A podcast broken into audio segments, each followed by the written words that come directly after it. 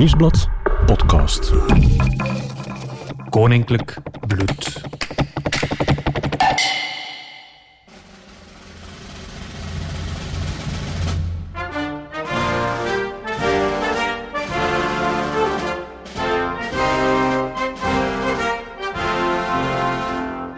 Dit is Koninklijk Bloed, een podcast over koning Filip en zijn bloedverwanten. Nu, we kennen allemaal die statieportretten. Eén grote, eendrachtige familie op de foto.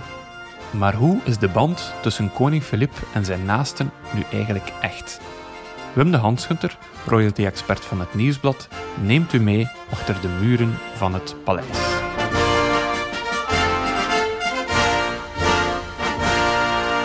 Welkom bij aflevering 2 van Koninklijk Bloed, onze podcast over uh, koning Filip en zijn familiebanden. Het is een podcast naar aanleiding van um, de 60ste verjaardag van koning Filip op 15 april aanstaande. En ik ben Bert Heijvaart. Ik zit nog altijd in mijn kot in deze coronatijden hier in Gent. 50 kilometer verderop zit, als alles goed gaat, nog altijd Wim de Hanschutter, onze royalty watcher van het Nieuwsblad. Dag Wim. Dag Bert alles nog altijd gezellig daar in uw kot in Antwerpen. We proberen er het beste van te maken. Hè. En ik ga ervan uit dat eh, koning Filip hetzelfde probeert te doen en dat hij zijn 60ste verjaardag ook in zijn kot zal moeten vieren met Mathilde en de kinderen. Ja, dat is waar. Dat zal inderdaad een minder uitgebreid feest zijn dan, uh, dan, dan verwacht. Ik vraag me eigenlijk af uh, of zijn ouders dan ook uh, zullen uitgenodigd zijn op een of andere manier. Want daar gaan we het vandaag over hebben. Hè, over de relatie van koning Filip met zijn ouders, Albert en Paola. Um, hoe is die eigenlijk nu? Als je je afvraagt wat Albert en Paola na de verjaardag van Filip gaan komen, die kans is klein, vermoed ik. Eh, ze wonen wel heel dicht bij elkaar, uh, op hetzelfde kasteeldomein in Laken. Maar echt heel veel contact is er niet meer tussen uh, Albert en Paola en Filip. dat is een heel complex verhaal natuurlijk. Hè. Begonnen vanuit de kindertijd van Filip. door de jaren heen is dat ook helemaal verzuurd geraakt. En een sleutelmoment daarbij is ook de dood van koning Boudewijn, toen het echt helemaal is, is fout gelopen. Ja, dat is het moment waarop onze vorige aflevering stopte in 1993. Echt een césuur in de geschiedenis van onze, uh, van onze monarchie. Het moment waarop koning Boudewijn heel plots sterft. Nu, we hebben dat verhaal gehoord vanuit het standpunt van Filip. Dat was een heel pijnlijk verhaal eigenlijk. Filip die alleen zat te wachten op een telefoontje. Uh, maar wat we nog niet weten is hoe Albert dat moment eigenlijk beleefd heeft.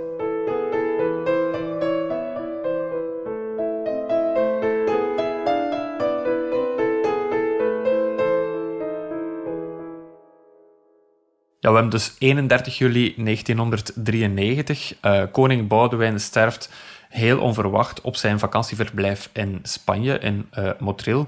We weten al van de vorige aflevering dat prins Philippe op dat moment ook op vakantie was in, uh, in Frankrijk. Uh, maar waar was prins Albert op dat moment? Die zat ook in Frankrijk, want die heeft daar een buitenverblijf in het zuiden van Frankrijk. En daar krijgt hij een telefoontje van zijn raadgever die zegt ik heb gehoord dat Boudewijn onwel is geworden, bel best met Fabiola. Dat doet hij dan ook, Albert. En hij krijgt zijn schoonzus aan de lijn en die zegt van ja, Boudewijn is inderdaad uh, overleden.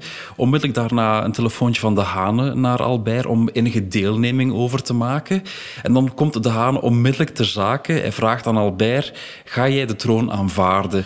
Maar dat is, wel, dat is wel heel snel. Dus hij heeft net gehoord dat zijn broer is overleden en dan moet hij direct een heel zware beslissing nemen wil ik koning worden of niet. Het is daarom ook dat Albert 24 uur bedenktijd vraagt aan eh, de Hanen. In die tijd kan hij naar Motril vliegen om daar het eh, stoffelijk overschot van Boudewijn te groeten. En heel belangrijk om daar een gesprek te hebben met Fabiola. En hij vraagt aan haar, wat zou Boudewijn eigenlijk gewild hebben? Zou het Philippe moeten zijn of ik die de volgende koning der Belgen wordt? En Fabiola kijkt hem, heel, uh, kijkt hem veelbetekenend aan en ze zegt, jij natuurlijk en niet voor een korte tijd. Dus daarmee was het voor Albert wel duidelijk, ik moet, uh, ik moet mijn rol opnemen. Ja, dat is, dat is wel opvallend, hè, want we weten uit aflevering 1, dat heb je uh, vorige keer verteld, dat Fabiola eigenlijk Philippe heeft opgevoed als haar eigen kind. Dat ze samen met Boudewijn hem jarenlang heeft voorbereid op de troon. Um, en dan plots beslist ze dat toch Albert uh, Boudewijn moet opvolgen. Hoe komt dat? In de eerste aflevering hebben we ook het verhaal verteld van wat er in 92 is gebeurd. Dus een jaar voor de dood van Boudewijn, herinner je je nog? Uh, Boudewijn moet een delicate hartoperatie ondergaan, is bang dat hij het niet gaat overleven. En voor die operatie heeft hij een gesprek met Albert en hij zegt van ja, als ik, in, als ik, het, als ik het niet overleef, dan moet jij mij opvolgen, niet Philippe. Want de broers die waren er echt van overtuigd van oké, okay, Philippe die is nog maar begin de 30, heeft nog niet voldoende ervaring, hij moet ook veel meer voeling krijgen met de politiek, met, uh, met de werking van het land. En vooral, hij was nog vrijgezel, hij had nog geen vrouw. Mathilde was nog lang niet in dit verhaal. En dat waren eigenlijk de doorslaggevende redenen waarom dat uh, Boudewijn nog niet vond dat uh, Philippe klaar was voor de troon.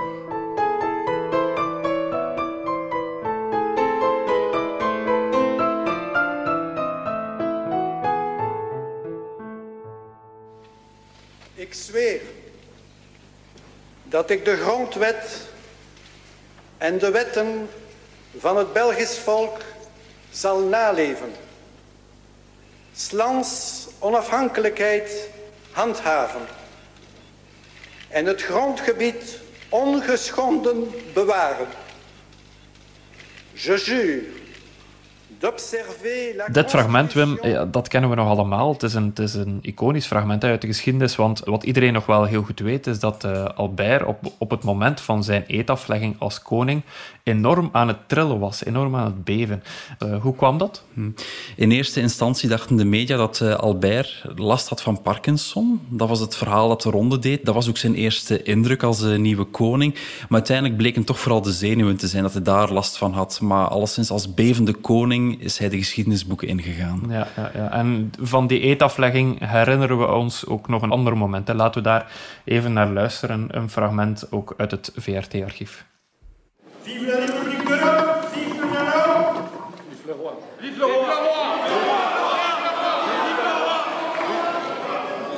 Meneer, uw gedrag is onwaardig en schandalig. En het hele land zal u veroordelen. Dat is een legendarisch fragment waarin je Jean-Pierre van Rossum, die in het parlement zat, Vive la République hoorde roepen. En dat herinnert aan wat er is gebeurd begin jaren 50, toen Boudewijn de troon besteeg. Toen was er een zekere Julien Lahaut, ook een eh, parlementslid, die Vive la République eh, riep. En daarnaar verwijst eh, Jean-Pierre van Rossum ook in, in zijn kreet. Nu, dat, dat fragment van Van, van Rossem, um, die uithaal, die, die zorgde meteen wel voor onzekerheid. Hè. Um, de, de vraag was, ja, kan, kan Albert wel een even standvastige koning zijn als, als Boudewijn? Ja, als je achteraf bekijkt, twintig jaar uh, is Albert koning geweest en heeft er een redelijk goede erfenis uh, nagelaten. Maar in het begin waren er ook twijfels. En dan merkte je ook begin jaren 50, dat Boudewijn als, als jonge twintiger uh, koning is geworden, moest zo'n jonge snaak het land recht houden. En de geschiedenis herhaalt zich ook bij Philippe in 2013. Hij bestijgt de troon en toch zijn er nog heel veel mensen die denken van, is hij er klaar voor? Ja, ja, ja. ja. Hoe zat dat eigenlijk met, met Albert, zijn, zijn gevoelens tegenover het koningschap? Wou hij eigenlijk koning worden? Uh, je, moet je voorstellen, Albert is eind de 50, bijna 60. Hij had een redelijk liederlijk leven uh, met veel vakantie. Hij zat op boten, was vaak in zijn vakantiehuis in Frankrijk of vakantie in, in Italië. En dan moest hij opeens die zware taak opnemen om koning der Belgen te worden. En het was ook heel belangrijk wat zijn vrouw dacht. Dus hij heeft heel expliciet gevraagd aan haar, aan, eh, aan, aan Paola, van hoe, sta jij daar tegen, eh, hoe kijk jij daar tegenaan, tegen die nieuwe rol die wij gaan moeten eh, vervullen? En ook zeker bij haar waren die, die reserves daar. Ja. Was het voor Paola een, een opoffering om, om, om koningin te worden dan, om dat leven op te geven? Ja, dat was absoluut wel een opoffering, hè, want uh, ze keek er echt naar uit om terug te keren naar Italië, of toch een groot deel van haar leven daar door te brengen. Uh, ze heeft nooit echt kunnen aarden in uh, België. Ze heeft ook niet heel veel moeite gedaan, bijvoorbeeld om Nederlands te spreken, toch de taal van de meerderheid van de, uh, van de Belgen. Voor de rest, als je naar buiten keek, buiten het kasteel Belvedere, zag ze alleen maar regen en, grijze lucht, terwijl in Italië altijd mooi weer, of toch bijna altijd mooi weer. Ja, en, en ik kan me herinneren dat er ook nog altijd een vergelijking gemaakt werd hè, tussen Fabiola en Paola. Wie is de mooiste? En dan kwam Paola wel duidelijk als winnares uit de bus. En als de vraag zou zijn wie was het grootste feestbeest, dan zou Paola ook als winnares uit de bus gekomen zijn. Mhm. Want er is een legendarische anekdote uh, die zegt dat Paola op de dag dat JFK, de Amerikaanse president, is uh, vermoord uh, in Amerika, dat er een feestje aan de gang was waar Paola te gast was. Zij stond op de dansvloer, maar de muziek werd stilgelegd. En toen reageerde ze, juist nu we ons aan het amuseren zijn, is het feestje gedaan.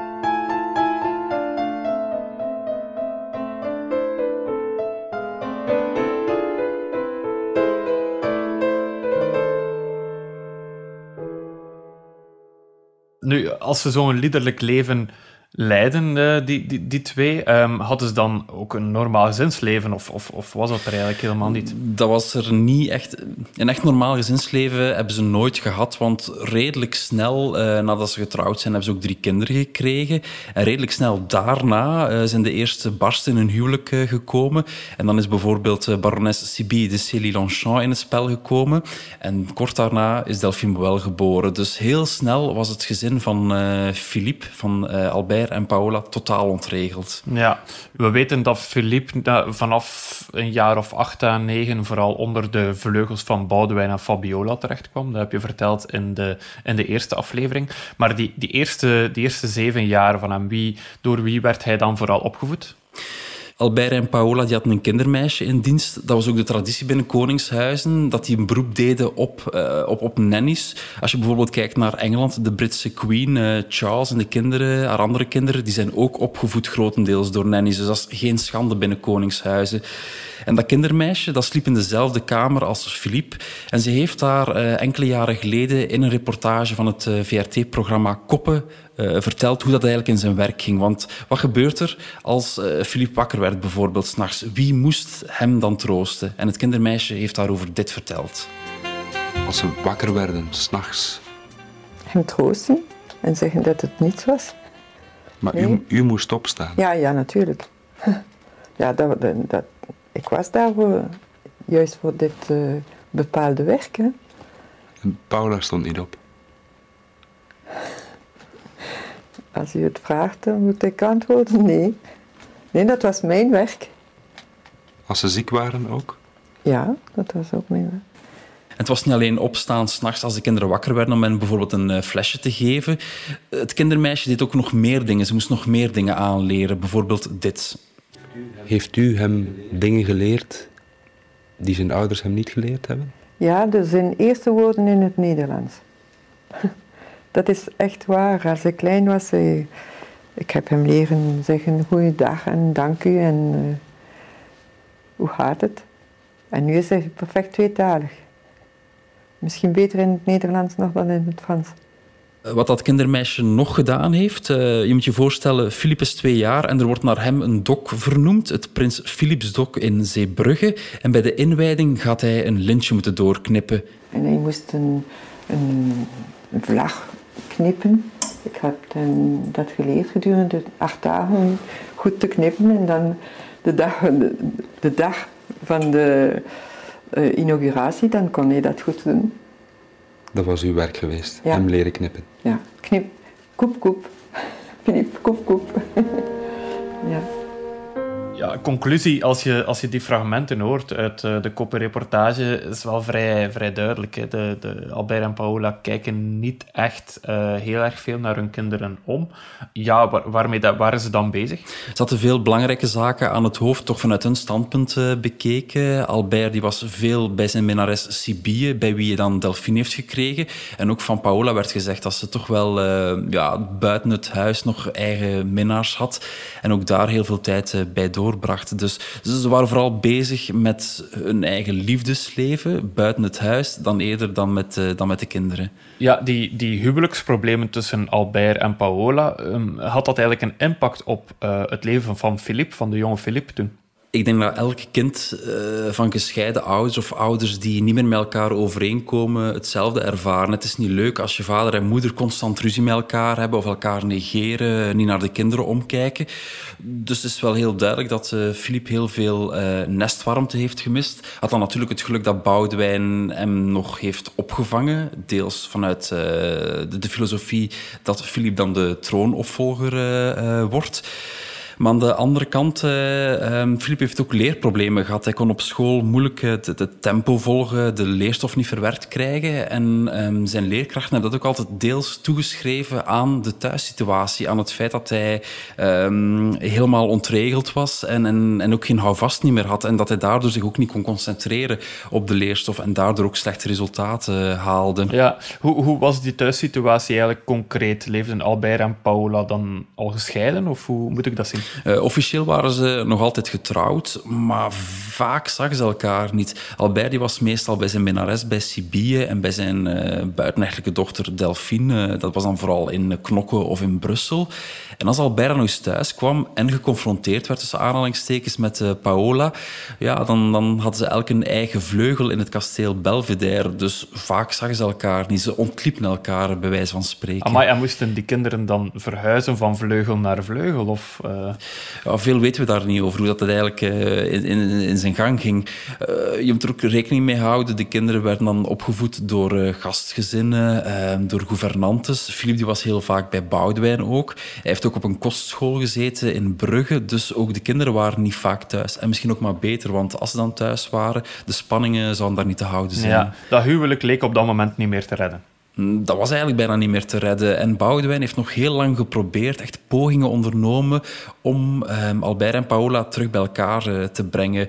Hij had niks liever als zijn broer gelukkig was, maar hij had ook in het achterhoofd Albert, dat is de officiële troonopvolger. Uh, we mogen dat ook altijd niet uit het oog verliezen. Philippe was maar tweede in de lijn van de troonopvolging. Mm -hmm. En stel dat Albert redelijk snel en onverwacht koning zou worden, voor Boudewijn zou het ondenkbaar zijn dat een gescheiden man de troon zou bestijgen. Ook een man die ontrouw is geweest aan zijn echtgenote, die een buitenechtelijke dochter had. Dus dat speelde allemaal mee in de filosofie van Boudewijn. Ja, ja, ja. Dus eigenlijk als Albert op dat moment eigenlijk echt de echtscheiding had ondertekend, dan kon hij ook zijn aanspraak op de troon verliezen. Ja, we zijn eind jaren 70 en Boudewijn die stemt ermee in. Oké, uh, Albert, je mag scheiden. De papieren lagen klaar, dienden alleen maar ondertekend te worden. En dan is er iets miraculeus gebeurd. Nog een mirakel. Na het mirakel van Lourdes uit aflevering 1, dus weer een onwaarschijnlijke omwenteling.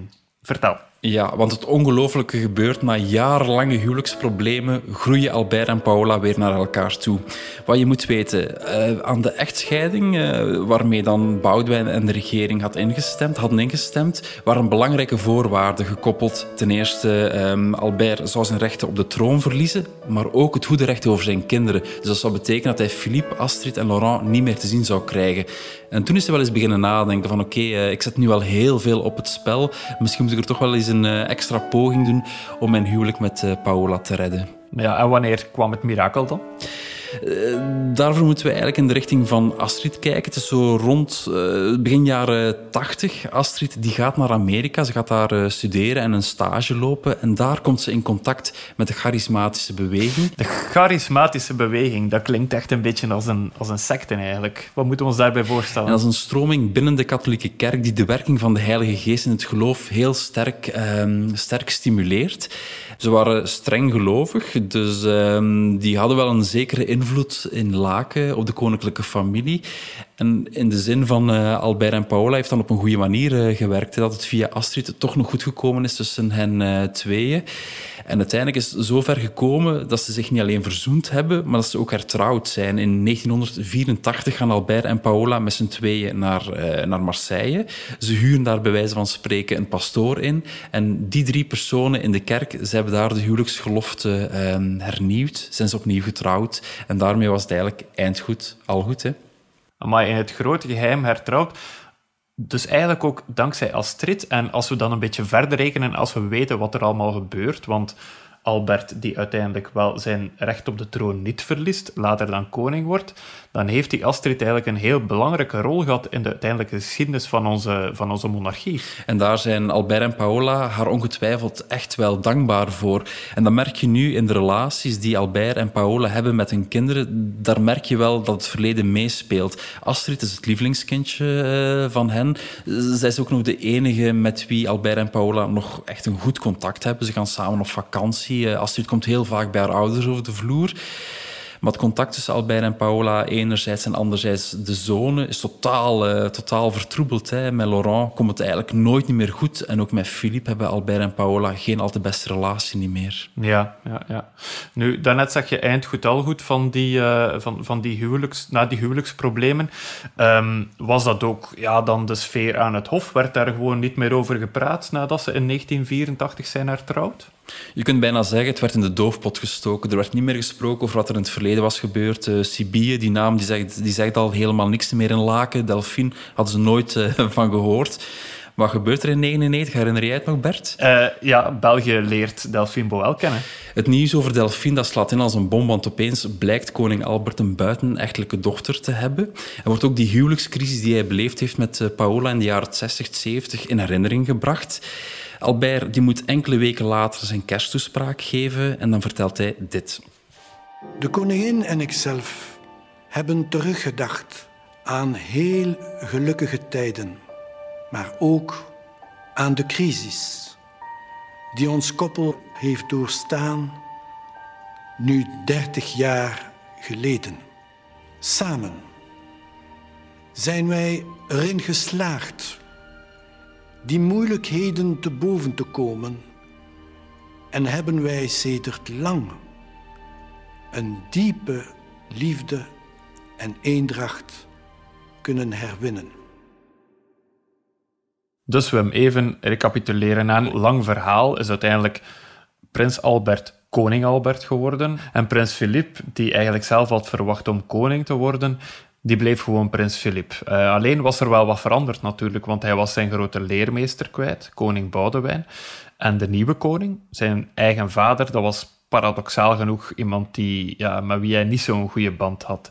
Um, dus vanaf 1993 zat, zat prins Filip dan in die nieuwe rol. Hoe profileerde hij zich dan? Um, hij kreeg heel veel opdrachten toevertrouwd. Dus op die manier kon hij uh, um, zich profileren. In binnenland had hij heel veel werkbezoeken, moest hij naar recepties gaan. Uh, hij kon mensen ontvangen bij hem uh, op kantoor. En daarnaast kreeg hij ook een erfenis van Albert, want hij mocht de rol van ambassadeur, handelsambassadeur van België overnemen. Want je weet misschien, een kroonprins, meestal krijgt hij als taak om handelsmissies te leiden. Dus op die manier um, heeft Filip de kans gekregen om de wereld rond te reizen, tientallen landen aan te doen, um, zijn netwerk te verbreden. Dus dat was wel een belangrijke leerschool ja. voor hem. En, en, deed hij dat goed? Als er over prins Filip werd gesproken, was het toch niet altijd in uh, lovende termen. Deel daarvan was ook zijn eigen fout, hè, want hij heeft een aantal blunders uh, begaan die nog in het uh, collectieve geheugen gegrift zitten uh, misschien. Hij heeft bijvoorbeeld uitgehaald naar het Vlaams Blok, het, het latere Vlaams Belang. Hij heeft daar in een interview bijvoorbeeld over gezegd van ja, er zijn partijen en mensen in België die ons land kapot willen maken. Als ze dat willen doen, dan gaan ze met mij te maken krijgen, want ik ben een taaie. Is daarvoor op de vingers getikt door de regering, want zulke uitspraken doe je als kroonprins niet. Je moet neutraal blijven. Ja, het lijkt iets wat, het lijkt iets wat Trump kan zeggen, maar uh, prins Filip niet echt. Ja, en zeker uh, prins Filip had in die tijd nog geen Twitter, dus hij kon op die manier ook nog niet zijn, ja. zijn mening verkondigen. Dus hij gebruikte interviews om, om zijn mening te verkondigen. En ook de Senaat bijvoorbeeld, hè, want hij was senator van rechtswegen. En wat hij daar bijvoorbeeld bepleit heeft, dat was een verbod op porno. Want hij vond dat het kwaad in de maatschappij bestreden moest worden. Dus we gaan maar de porno, porno verbieden. Ja, ook niet echt veel resultaat gehad, uh, dat voorstel blijkbaar. Nu, ja, dat, dat, zijn de moeilijke jaren van Philippe zeker. Hè? Die jaren na de dood van Baudouin, de jaren 90. Um... Je mag uh, de volledige jaren 90 als een moeilijke periode zien. Um, op het einde van de jaren 90, 99 stelt hij Mathilde voor als zijn bruid. Dat is eigenlijk een goed moment uh, binnen zijn profilering. Want Mathilde is meteen een van de populairste, of het populairste lid van het Koningshuis, kun je wel zeggen. Philippe profiteert daarmee. Maar zelfs met een Mathilde naast zich maakt hij nog altijd uh, fouten. Die uitspraak die hij over het Vlaams Belang heeft gedaan, heeft hij na zijn huwelijk gedaan. Ook na zijn huwelijk is er heel veel kritiek gekomen op een bepaald moment tijdens een handelsmissie in Zuid-Afrika. Er waren, uh, er waren uh, bedrijfsleiders die bijvoorbeeld zeiden ik heb mij nu al vijf keer voorgesteld aan Philippe. hij zou nu toch wel moeten weten wie ik was. En toch vraagt hij wie ben je, welk bedrijf leid je. Philippe gaf daar ook hele slechte toespraken. Voor de zoveelste keer vergeleek hij België met een diamant. Een diamant, België, klein, maar briljant. En het leek echt niet meer goed te komen met hem. En dan spreken we al over 2006, 2007. Dan is hij 47 jaar. En hij moet dan koning Ja. der Belgen worden op een gegeven moment. Dus er was niet heel veel vertrouwen in zijn Nee, kunnen. nee, nee. Je, je spreekt daar van Mathilde. We hebben natuurlijk ehm, de volgende aflevering gaan we eigenlijk volledig aan Mathilde wijden. Dus eh, daar gaan we dieper op in. Maar deze gaat over Albert en Paola. Ehm, ja, hoe, hoe keken Albert en Paola tegen de komst van Mathilde aan eigenlijk? In eerste instantie waren ze heel blij voor hun zoon, want een heel belangrijke voorwaarde voor Filip om ooit koning te worden was dat hij toch een vrouw eh, zou vinden, een toekomstige koningin. Vanaf het begin charmeerde ze ook. Dus dat was eigenlijk goed nieuws voor het Belgisch Koningshuis en voor de populariteit van de monarchie. Aan de andere kant werd er ook wel gezegd dat er enige jaloezie tussen de vrouwen was. Dan tussen Mathilde en Paola. Dan toch vanuit de richting van Paola richting, eh, richting Mathilde. Opeens een jonge, mooie vrouw die het koningshuis binnenkomt. Ze herinneren zich wat er gebeurde met haar eh, eind jaren 50. Zij was een prachtige Italiaanse furie die opeens het eh, Belgische koningshuis binnenstormde. En eigenlijk de geschiedenis herhaalt zich nu met Mathilde. Dus Paola keek toch wel met een gezonde jaloezie richting Mathilde. Ja, ja, ja. Zijn er verhalen in de boekjes verschenen over een eventuele vete tussen Paola en Mathilde? Eh, ik denk spontaan niet aan een verhaal dat in de boekjes is verschenen, maar we maken een sprong naar de troonswisseling in 2013. Daar is een bepaald moment dat ik me echt nog goed voor de geest kan halen. Ehm, in het paleis tekent koning Albert zijn, eh, het, het document waarmee hij zijn troonsafstand bekrachtigt. En hij geeft daar ook een speech. Hij vertelt daarin hoe belangrijk dat eh, Paola was voor hem. En je ziet, Mathilde zit naast haar. Ze kijkt de richting van haar schoonmoeder uit. En die moet ongetwijfeld die blik van Mathilde gevoeld hebben. En toch eh, is Paola die Mathilde straal negeert. En daaruit voelde je wel zo van, oké, eh, die twee die komen niet goed met elkaar overeen. Ja, ja, ja. Nu, dat was inderdaad al een sprong vooruit, maar het was eigenlijk ook een sprong die er altijd zat aan te komen. Hè. Ehm, zowel Albert als Paola als Philippe, als Math- Mathilde wisten uiteindelijk, Philippe zal ooit koning worden. Ehm, ja, onder Boudewijn was hij daar enorm op voorbereid. Werd hij daar nu nog op voorbereid? Eh, hij moest zichzelf voorbereiden, heeft hij ook gedaan. Eh, hij had ook een entourage rond zich, adviseurs. Maar als je dan naar de vader kijkt, die kun je wel de schuld geven dat er heel weinig vanuit zijn kant gedaan werd om Filip voor te bereiden op die troon. Eh, je zou bijvoorbeeld kunnen verwachten, zoals in Nederland is gebeurd, dat Beatrix bij Willem-Alexander, dat hij die, rond tafel zit met hem om dan dossiers te bekijken. Dit zijn belangrijke dossiers in ons land, om ook gesprekken met politici voor te bereiden en op die manier ook een beetje het land en de politiek te leren kennen. Dat heeft Albert nooit gedaan met eh Philippe. Die werd eigenlijk aan zijn lot overgelaten. Dus hij kwam in die zin toch wel een beetje onvoorbereid op de troon terecht.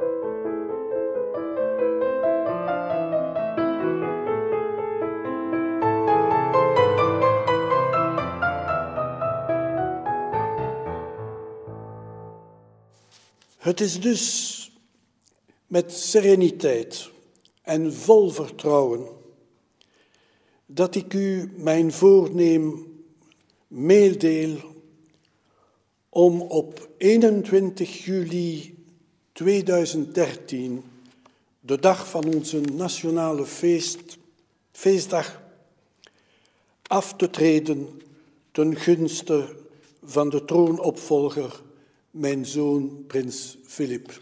Ja, dat was 3 juli 2013. Koning Albert die aankondigt dat hij nog geen twee weken later zijn troon zal afstaan aan zijn zoon, aan Filip.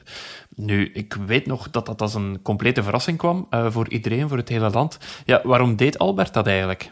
Er zijn een aantal redenen waarom hij troonsafstand wilde doen. Eh, hij haalde ze zelf aan in zijn speech, zijn leeftijd. Hij ging richting de 80. Er was nog nooit een koning in België geweest die op die leeftijd nog op de troon zat. Eh, hij had ook gezondheidsproblemen, problemen met zijn hart. Hij was al behandeld eh, voor huidkanker, zijn gehoor ging achteruit, hij was al slechter te been. Dus hij voelde ook dat zijn lichaam niet helemaal niet meer mee wilde. En ook geestelijk, hij was echt wel uitgeput. Herinner wat er ook de jaren voordien is gebeurd. Wij hebben toen het wereldrecord behaald van eh, regeringsonderhandelingen. Ja. 541 dagen heeft dat geduurd. Ook koning Albert is in heel dat proces betrokken geweest. Hij heeft heel veel slapeloze nachten gehad van oké, dit gaat niet meer de goede kant uit met mijn land. Dat heeft hem uitgeput. En dat voor een man die dan al richting de tachtig ging, het was voor hem echt wel genoeg. Hij was het moe. Ja, het klinkt logisch nu je dat zo uitlegt, maar had jij het op dat moment zelf verwacht als, als royalty watcher? Uh, in België is er sowieso nooit een traditie geweest van troonsafstand, van vrijwillige troonsafstand. Oké, Leopold III is daartoe gedwongen, maar voor de rest, alle andere koningen die zijn op de troon gestorven en dan is er een troonopvolger moeten klaarstaan om de taak over te nemen.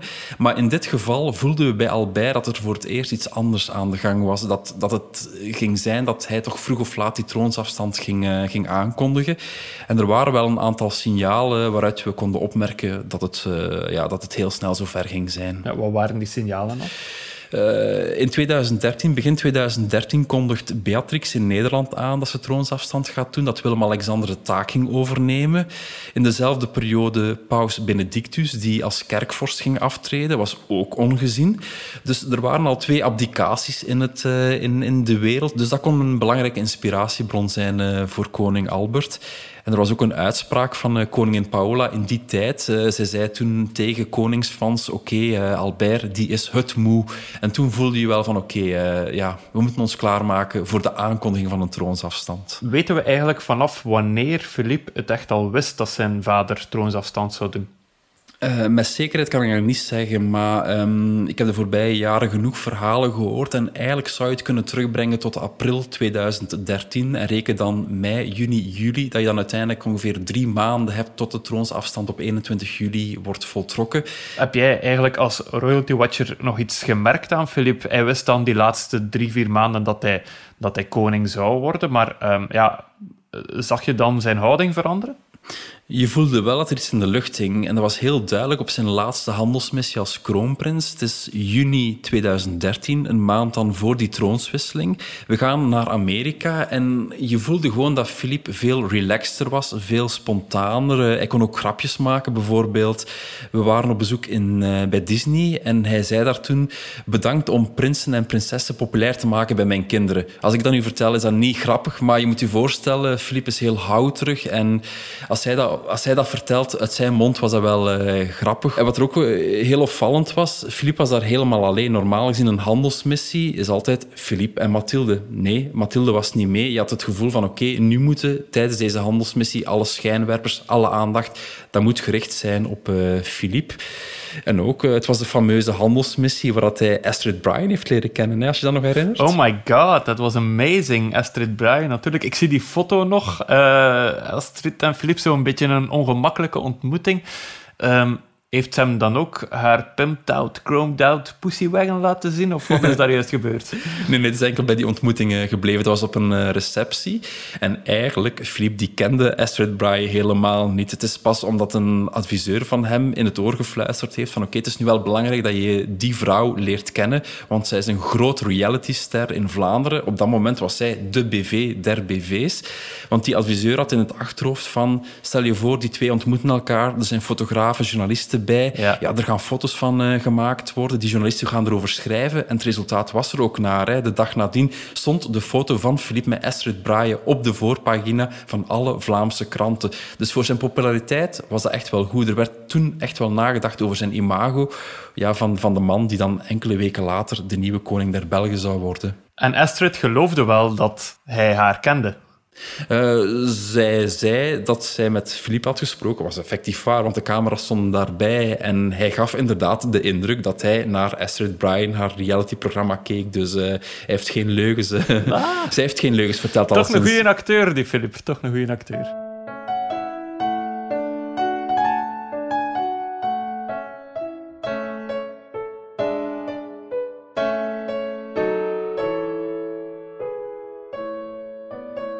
Ja, we 21 juli 2013 was het eindelijk zover. Prins Philippe werd eindelijk koning Philippe na al die jarenlange voorbereiding. Um, wat ik me vooral nog herinner als leek, was dat het echt een perfecte dag leek voor koning Philippe. Ja, tot onze eigen verbazing ook hè, van, van de media. Uh, alle omstandigheden zaten mee. Je had ten eerste al prachtig weer. Het was een van de beste zomerdagen van 2013. Dus wat kun je je beter wensen op dan die grootste dag uit je leven? En dan ook uh, hoe dat Philippe er stond op dat moment. Uh, wij hadden hem altijd gekend als een houterige, prin een houterige prins, heel slungelachtig. En opeens, ik heb toen letterlijk geschreven, hij was de bevrijde koning. In zijn houding voelde je gewoon dat hij veranderd was. het was eindelijk zijn grote moment. Er konden eigenlijk twee dingen gebeuren. Ofwel kon hij er slecht van afbrengen en dan zouden de mensen, de Belgen, bevestigd worden in hun indruk van ja, die Philippe die kan het niet. Ofwel zou hij zichzelf overstijgen en zou hij een geweldige indruk nalaten. En het was eigenlijk best wel heel positief wat hij deed. Hij was veel standvastiger uh, dan we ooit in hem hadden gezien. Hij was veel rustiger en hij gaf echt een overtuigende uh, troonrede, zonder zenuwen. En op het einde van die troonrede deed hij dit. Es lebe België, leven België, vive la Belgique. Ja, dat is een groot verschil met um, ja, de eetaflegging van koning Albert, waar we het uh, daar net over hadden. Ja, die, die bevende, trillende koning. Nu, hoe stond Albert er eigenlijk bij um, in 2013? Hoe, hoe keek hij op dat moment naar zijn zoon, die hem dan opvolgde als koning? Hmm. Op de dag van de troonswisseling kreeg ik zelf een heel vreemd, maar wel een positief gevoel. We hadden jarenlang, decennia lang, alleen maar verhalen gehoord over problemen in die familie tussen Philippe en Albert en bij uitbreiding ook met uh, Paola. En opeens had je de indruk dat daar een eendrachtige familie stond die alle problemen uit het verleden uh, vergeten waren. Albert leek met de tachtig zicht uh, zoiets te hebben van oké, ik wil een nieuwe start nemen met mijn zoon, ik wil hem ondersteunen. En Philippe leek ook de zonde, de fouten van zijn vader en zijn moeder vergeven te hebben. En zeker vanuit Albert was er een heel duidelijk signaal uh, gekomen dat alles weer pijs en vree zou zijn. Want op het moment dat hij zijn troonsafstand aankondigde, vertelt hij dit. Ik stel ook vast dat prins Philippe goed is voorbereid om mij op te volgen. Hij geniet samen met prinses Mathilde mijn volle vertrouwen. Met de tijd en onder meer in het kader van de economische zendingen in het buitenland heeft prins Filip aangetoond hoezeer zijn inzet voor ons land hem na aan het hart ligt. En je zou kunnen denken, oké, hij gaat één keer zijn vertrouwen in koning Filip uitspreken, maar eigenlijk ook nog eens een tweede keer in een andere toespraak, vlak voor zijn troonswisseling. Ik wil eindigen met een bijzondere wens die mij als koning en als vader na aan het hart ligt. Omring de toekomstige koning Filip en de toekomstige koningin Mathilde met uw actieve medewerking en met uw steun. Zij vormen een uitstekend koppel ten dienste van ons land en genieten mijn volle vertrouwen. Ja, Wim, wat ik me dan afvraag. Um, uiteindelijk, Filip is fantastisch gelanceerd als koning. Uh, Albert kan eindelijk na al die jaren aan zijn rustige oude dag beginnen. Um, ja, hoe kon het dan uiteindelijk toch nog zo scheef lopen tussen die twee? Omdat je voor die oude rustige dag ook geld nodig hebt. Eh, Albert en Paola die hebben een groot jacht. Maar ja, om dat jacht te laten varen heb je brandstof nodig. Um, ze hebben een buitenverblijf in het zuiden van Frankrijk. Ze hebben ook een appartement in Rome en waarschijnlijk nog een aantal andere bezittingen. Die moeten ook verwarmd worden, net zoals het kasteel van Laken. En zo hebben ze nog een aantal uitgaven die ze op een rustige oude dag moeten bekostigen. Maar daarvoor is dus geld nodig. En Albert die krijgt na zijn troonsafstand een pensioen van 900.000 euro per jaar. Toch niet slecht, precies? Ja, ik denk inderdaad dat je met 900.000 euro per jaar wel heel ver kunt geraken. Maar Albert vond het toch te karig als pensioen.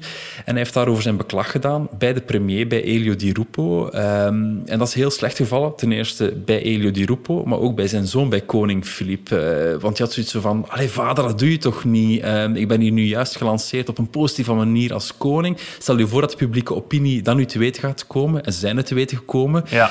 Hoe gaat dat nu vallen, dat jij niet tevreden bent met 900.000 euro per jaar? En Albert op zijn beurt, die voelde zich niet gesteund door de politiek, maar vooral niet door zijn zoon want die moest toch wel even doordrukken dat zijn uh, vader meer geld kreeg. En het zou niet de eerste en ook niet de laatste keer zijn dat het, uh, dat het tot problemen kwam tussen Philippe en Albert. Ja, waren er nog incidenten dan? En hadden die dan ook met, met geld te maken of met iets anders? Dat heeft alles met prins Laurent te maken, met de rebel van de koninklijke familie. Wat is er eigenlijk gebeurd? In april 2014, hij belandt in het ziekenhuis om een heel mysterieuze reden. Hij wordt ook in een kunstmatige coma gebracht. Het zou ermee te maken hebben dat hij een longontsteking had. Andere berichten zeggen dat hij depressief was. We weten eigenlijk niet wat er gebeurd is. Enfin, maar Philippe, eh, koning Philippe, die slaagt er toch wel in, ondanks een heel drukke agenda, om bijna dagelijks op bezoek te gaan bij zijn broer. Maar er zijn twee belangrijke afwezigen aan zijn ziekenbed. Heb je enig vermoeden wie dat zouden kunnen zijn, eh, Bert? Ik kan het al vermoeden dat het uh, Albert en Paola zijn, helaas. Inderdaad, Albert en Paola. Uh, er ontstaat ook heel veel kritiek op hen in de media, in de publieke opinie, op sociale media. Uh, mensen vragen zich af, waar zijn Albert en Paola? Blijkbaar op vakantie in Frankrijk. Ze willen twee weken lang niet terugkeren uit, uh, uit, uit vakantie, terwijl ze echt wel weten dat hun zoon in het ziekenhuis ligt, dat hij zwaar in de problemen zit. Uh, wat gebeurt er dan? Na twee weken duiken ze toch aan zijn ziekbed op en diezelfde avond schrijft koningin Paola een brief, een open brief aan haar zoon, waarin, hij, waarin zij zegt hij is de meest kwetsbare van mijn drie kinderen. En ze wil dat die brief wordt verspreid via het koninklijk paleis, dat koning Filip zijn goedkeuring daarvoor geeft en dat hij die dan uitstuurt naar de media. Ja. Maar Filip weigert dat. Ja. En toch beslist Paola om de brief alsnog te laten publiceren. Ze stuurt die naar Belga, het persagentschap, en die verspreiden de brief uh, naar alle media. En zo komt het in het openbaar. En Philippe was natuurlijk geschoffeerd, want hij had juist verboden om die brief uh, te sturen.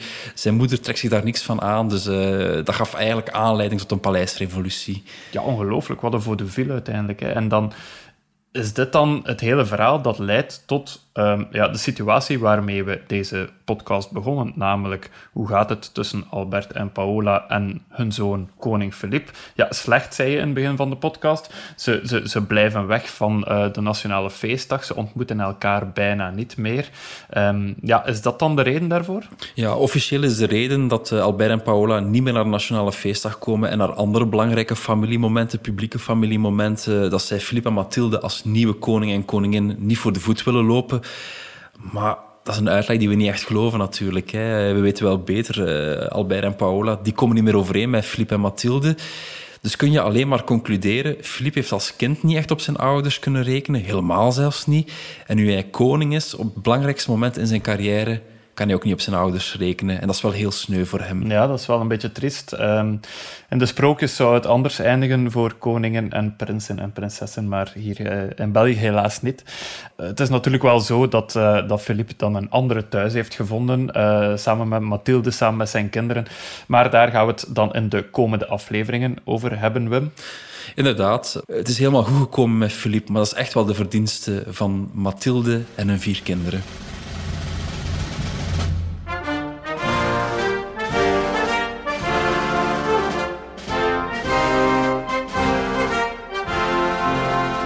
Dit was Koninklijk Bloed, een podcast van Het Nieuwsblad. De presentatie was in handen van mezelf, Bert Heijvaart, en het verhaal werd verteld door onze royalty watcher Wim de Hanschutter. Speciale dank gaat uit naar de VRT voor het gebruik van de audiofragmenten en ook naar onze monteur Jeremy Vatorel van House of Media. De versie van de Brabanson verkregen we via Creative Commons. En de eindredactie van deze podcast was in handen van Eva Wigon. Ja, best luisteraars. En dan maak ik heel graag nog reclame voor de andere podcast van het Nieuwsblad. Voor eerst is er natuurlijk Shotcast voor onze voetballiefhebbers. Nu, de competitie ligt stil, maar Shotcast, die mannen gaan gewoon door. Guillaume, Lars en Gert, die uh, presenteren ook vanuit een kot. En die nodigen bekende voetballers uit via Skype. Uh, en daarnaast is er natuurlijk ook nog de courses van ons voor de wielerliefhebbers. En de stemmen van Assisen, uh, voor wie al eens graag luistert een spannend justitieverhaal. Voor wie tijd heeft, uh, zijn kot zou ik zeggen, zeker eens checken.